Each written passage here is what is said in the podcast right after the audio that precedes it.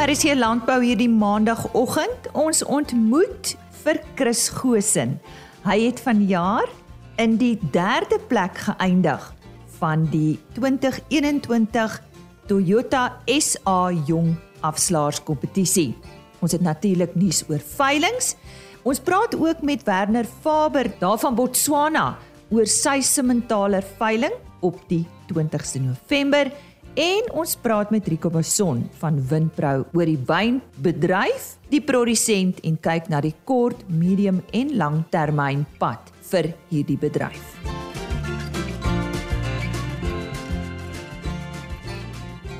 Baie dankie dat jy ver oggend ingeskakel het vir RSG Landbou. Ek vertrou jy het 'n wonderlike naweek agter die rug. 40,000 naira by 42 en 42 naira by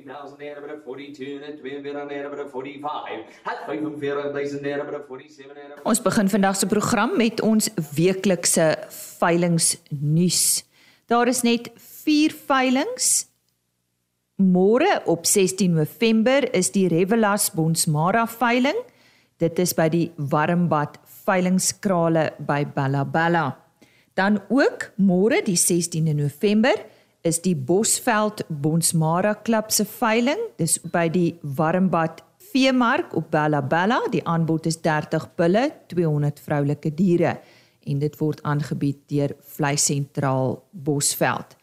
Dan het ek verlede week met Christopher Melamo oor sy veiling gesels. Dit is op 18 November. Dit is nou eerskomende donderdag die Lamus Bonsmara se tweede produksieveiling dis by Rywilu by die vleisentraal Veemark en en dit word aangebied deur vleisentraal Kimberley. En dan gesels ek ook binnekort met Werner Faber oor die Tsolu Holdings Simmentaler se vierde produksieveiling en dit is by die Gaborone skougronde daar in Botswana en uh, bly ingeskakel. Hy gaan ons meer daarvan vertel. Sover dan vandag se veilingnuus.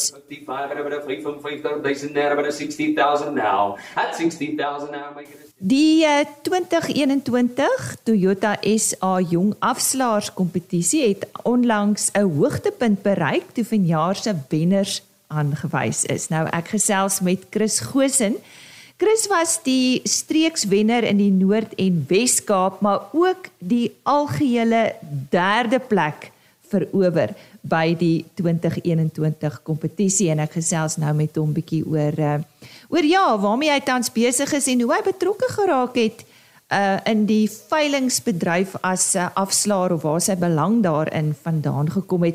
Vertel vir ons eers wie's Chris Gosen? Môre Chris, waar het jy groot geword, skool gegaan en en en wat doen jy tans? Ek het groot geword in die Olifantshoek Appington omgewing op 'n plaas waar ek dan by Hoërskool Duineveld in Appington skool gegaan het en gematrikuleer het. En tans is ek steeds besig met my studies by die Universiteit van Noordwes waar ek my honeurs in finansiële rekenmeesterskap doen. So dis niks in landbou nie. Nee, glad nie. nou, hoe het dit gebeur dat jy nou in die veilingsbedryf as afslaer begin belangstel het? Toe ek klein was, was my pa land, so ek het eintlik maar groot geword in die veilingskraal en baie dae saam met hom veilings toe gery.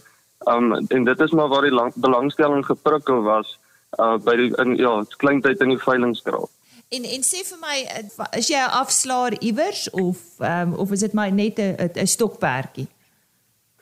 Ehm um, op die stadium is dit eintlik nog 'n stokperdjie, maar ek sal baie daarvan hou as ek voltyds enige afslaer kan wees. Maar ek het laas jaar eintlik eers begin om dit te probeer doen. So dit is maar eintlik nog kort. Nou as jy praat van probeer doen, nou verduidelik vir ons Waar begin 'n mens? Het jy jouself geleer en toe vir 'n paar lesse gegaan of of hoe werk dit? Vertel verduidelik vir ons leuke wat nie weet nie. Ag soos ek gesê die belangstelling was altyd daar en ek wou dit altyd probeer.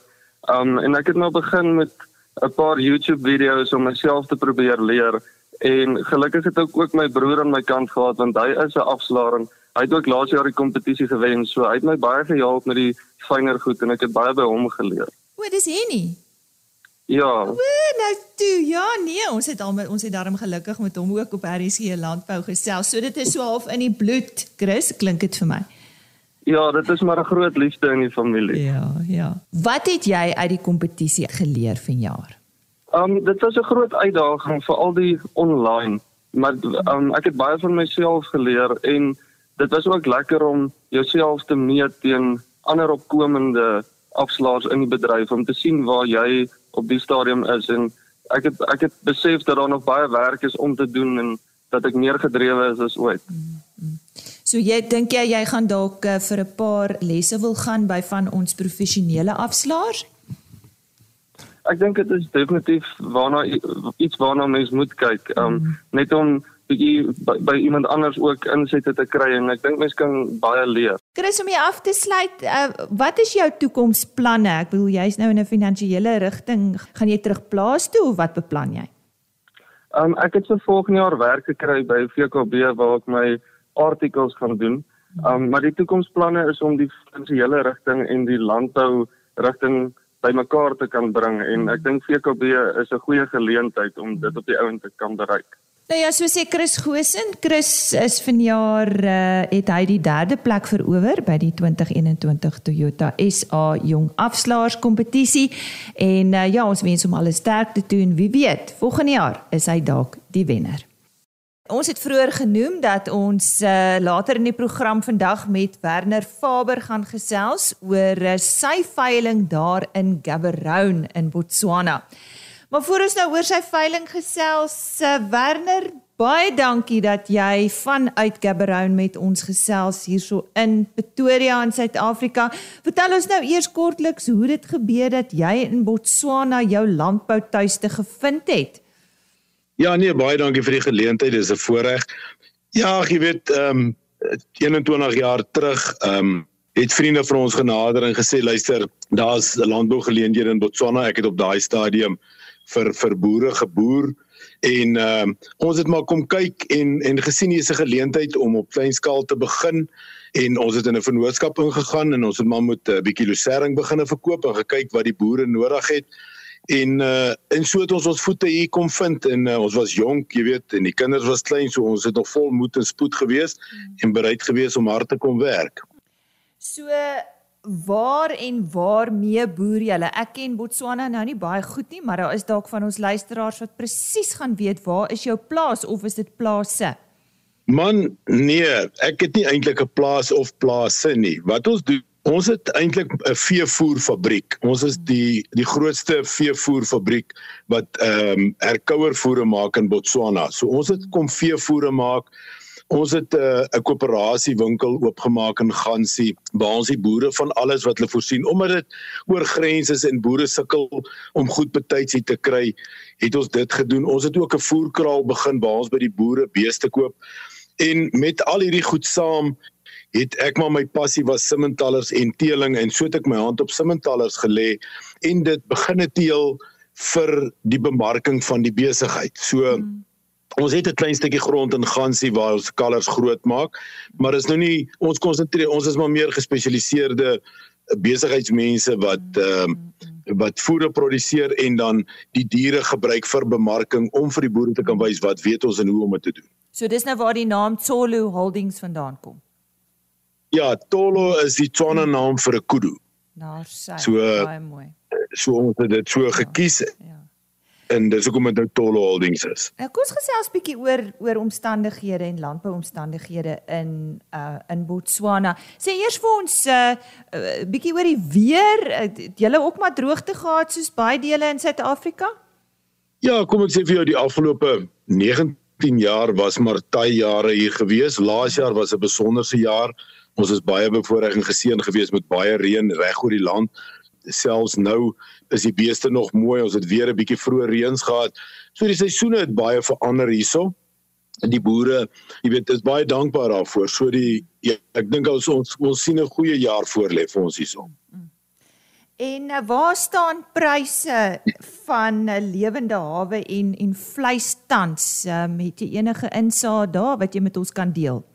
Ja, ek het nou nie baie met die vleis bedoel nie die die in die voerkraal kant kontrak voer ek vir vir vir 'n ander maatskappy wat meer gespesialiseerd is daarin. Op hierdie stadium voer ons kalvers uit die grense het vir ons oopgemaak. Ons voer van ons speenkalvers uit Suid-Afrika toe wat 'n groot inspuiting is vir ons landbou. So ons ons kry markverwante pryse met Suid-Afrika op hierdie stadium. En uh, daaroor is ons baie dankbaar want al die al die geld wat die boere kry kom terug in besighede in Botswana in en uh, hy het nou ons is nou hierdie week gehoor hy's nog vir 2 jaar oop. So ons het nou baie moed en ons kan nou mooi beplan vir die volgende 2 jaar. Die lokale vleispryse is is ook markverwant met Suid-Afrika is redelik duur. Ons voer ook baie vleis uit Europa toe en uh, Botswana is maar bekend vir sy kwaliteit vleis en veldvleis wat 'n uh, wat 'n groot aanvraag is in die buiteland. Mm. Julle geld eenheid in vergelyking met ons? Ja, ons pula is op in die stadium so 30% sterker as die rand. Mm. Wat dan 'n groot voordeel is vir ons, jy weet, omdat ons baie van ons kommuniteite in Suid-Afrika moet koop en oor grens bring uit met die transport en die invoerbelastings, help die die pula wat sterker is teenoor die rand dan vir ons baie om jou produk dan nou 30% goedkoper te kan land hierso mm. en dit dan koste-effektief weer te kan herverkoop aan die aan die boere hierso. Mm. Nou goed, kom ons kom by daai veiling uit. Dit is nou op die 20ste November en dit is die Tolu Holdings se Simmentaler. Ek dink wat is dit 4de of 2de produksieveiling? Help my so 'n bietjie daar Werner. Ja, nee, dis ons 4de produksieveiling. Ek het twee gasverkopers wat Brahman en Charolais ook saam met my verkoop. En dan is dit 'n klompie klein vee dis maar meer 'n boeredag. Die ons het eintlik ons tweede produksieveiling was soos 'n klein nampo gewees waar ons stalletjies opsit en jy weet die, die in Botswana is almal boere. Hulle gaan nie klerewinkels toe nie. Hulle kom na boere daar toe. Hulle wil beeste sien, hulle wil boere goed sien.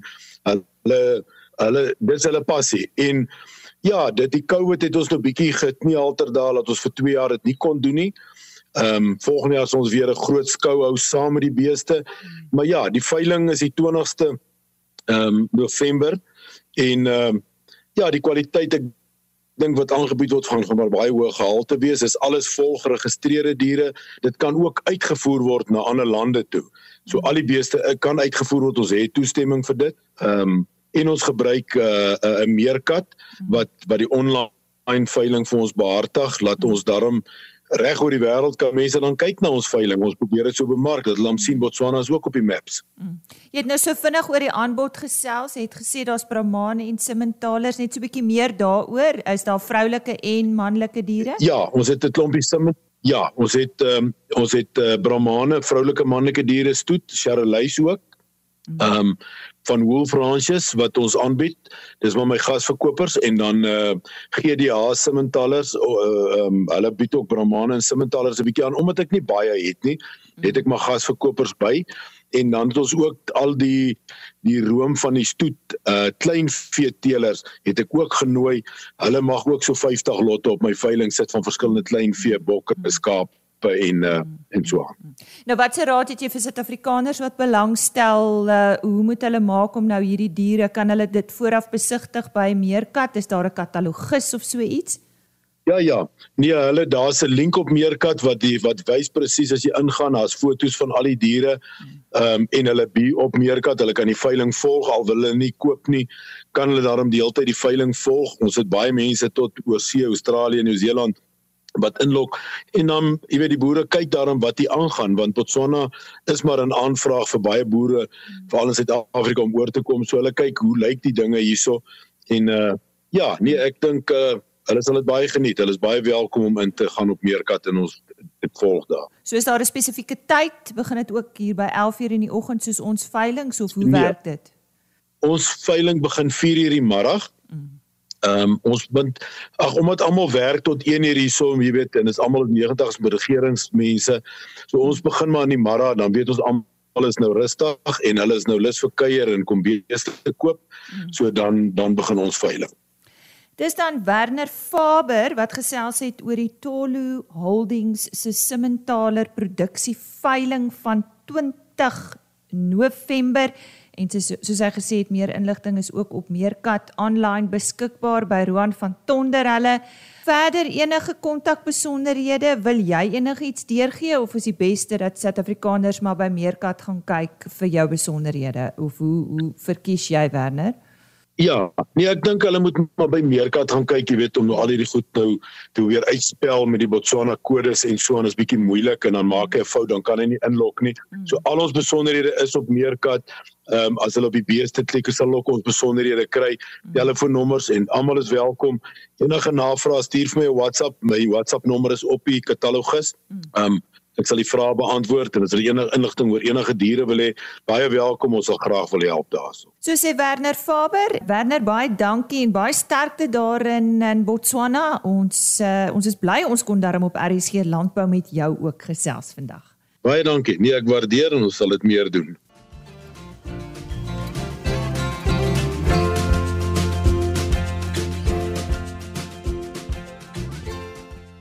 Wynbedryf is deur byna 2 jaar van swaar kry wat die bedryf struktureel baie seer gemaak het en tot groot verliese in die hele waardeketting van die bedryf gelei het. Die bedryf het egter nou 'n draaipunt bereik en is op 'n moeilike herstelpad wat 4 tot 5 jaar kan duur. Winpro, die wynbedryf se produsenteorganisasie het onlangs twee seminare naby Woester en naby Stellenbosch gehou om produsente in te lig oor die stand van die bedryf en ook die pad vorentoe. Ons gesels nou met Rico Basson, hy is bestuurdirekteur van Windpro om uit te vind wat hulle met die twee seminare wou bereik. Windpro is die produsente organisasie vir 2700 lede, dit is produsente, kelders en ook uh ander spelers binne in die wareketting. Ons is besig met 'n 2 dag uh werkswinkel uh, seminaarreeks juis om te fokus op die toekoms en die rede vir dit is om ons produsente en ons lede in te lig oor wat is die pad uh, rondom die kort, medium en langtermyn. En die rede daarvoor is dat die wynbedryf is deur 20 maande van 'n groot skokke, ehm um, 23 weke lank kon ons glad nie wyn verkoop nie. En in die lig van dat ons die helfte van ons produk plaaslik verkoop, uh groot afhanklik is van toerisme wat nie uh moontlik was nie en ook natuurlik uitvoere, um is daar wesentlik geld verloor. En ons praat van tussen 10 en 12 miljard rand uh wesentlike skokke in terme van uh besighede wat hulle deure moes sluit in die toerismebedryf uh verskeie afleggings. Ons praat van 4000 mense wat afgelê is uh, binne in toerisme. En ek dink struktureel weens van die besluite wat die regering geneem het, ehm um, is daar tans groot uitdagings. Een daarvan is dat daar is 'n glastekort. Uh en ons het eenvoudig nie genoeg bottels om ons huidige vraag na plaaslike en ook internasionale kliënte te voorsien nie. En ek dink dit kom op 'n tyd waar daar eintlik 'n geleentheid is vir die wynbedryf en die geleentheid lê daarin dat ons het uh, Europa oeste wat heelwat laer is as gewoonlik. As ons dink aan Europa dan is daar eintlik net 3 lande, Frankryk, Italië, Spanje. Hulle produseer meer as die helfte van al die wyn en weens klimaat, rypskade, brande en so meer het hulle baie baie laer oeste. So hier lê 'n geleentheid Ons reeks gaan dan daaroor ehm um, dat ons sien die impak van hierdie strukturele skokke. Ehm um, ons reken dat in die volgende jaar dat die verskepingsontwrigting wat tans daar is globaal steeds daar sal wees. En daarom is ons tans midde in gesprekke met regering en ook met Transnet rondom die Kaapstad hawe rondom logistiek.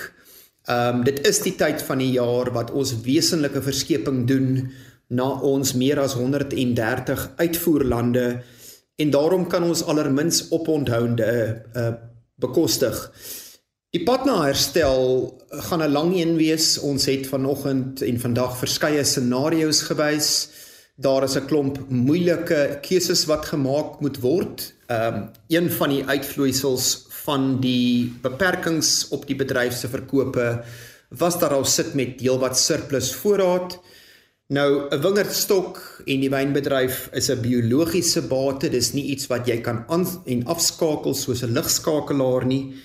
En uh met 'n volgende oes wat weens goeie klimaatsomstandighede dan nou gaan inkom van Januarie, Februarie af, sit ons tans met kelders wat uh, redelik vol wyn lê en ons is besig dan met uh, verskeie aksies om daai surplus te verwyder. Dis nie noodwendig winsgewend nie. Ons maak 'n uh, konsentraat daarvan. Ons voer dit uit as industriële wyn.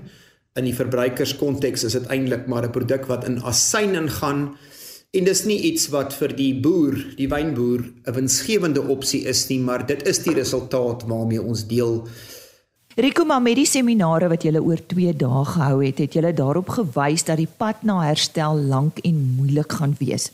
Tog het julle planne met julle lede gedeel wat uh, daarop gemik is om die verwagte herstelsiklus van 5 jaar na 2 of 3 jaar te sny. Waarna het julle gekyk en en waarop gaan julle die volgende paar jaar fokus? Ons het gekyk na geleenthede, kort, medium, langtermyn, uh baie gefokus op die beleidsomgewing wat nodig is, enorme geleenthede wat vir ons voorlê, maar dan moet ons bepaalde vennootskappe kan bou nasionaal, provinsiaal en ook op streekvlak. Ons fokus vir die volgende 4 jaar is dan op vier baie spesifieke uitkomste. Nommer 1 'n baie meer inklusiewe wynwaardeketting bedoelende transformasie uh nie net in terme van eienaarskap nie, maar ook erkenning vir die wonderlike werk wat gedoen word rondom skole op plase, rondom die welsyn en die welstand van werkers. Alles goed wat boere doen, maar nie noodwendig enige krediet voorkry nie.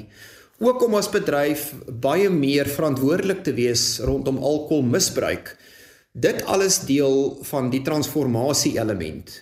Ons tweede sterk fokus uh, is op markte, die eerste een dan nou die plaaslike mark en ons het vir die gehoor gaan uitwys uh die geleenthede nie so seer uit 'n volume oogpunt nie.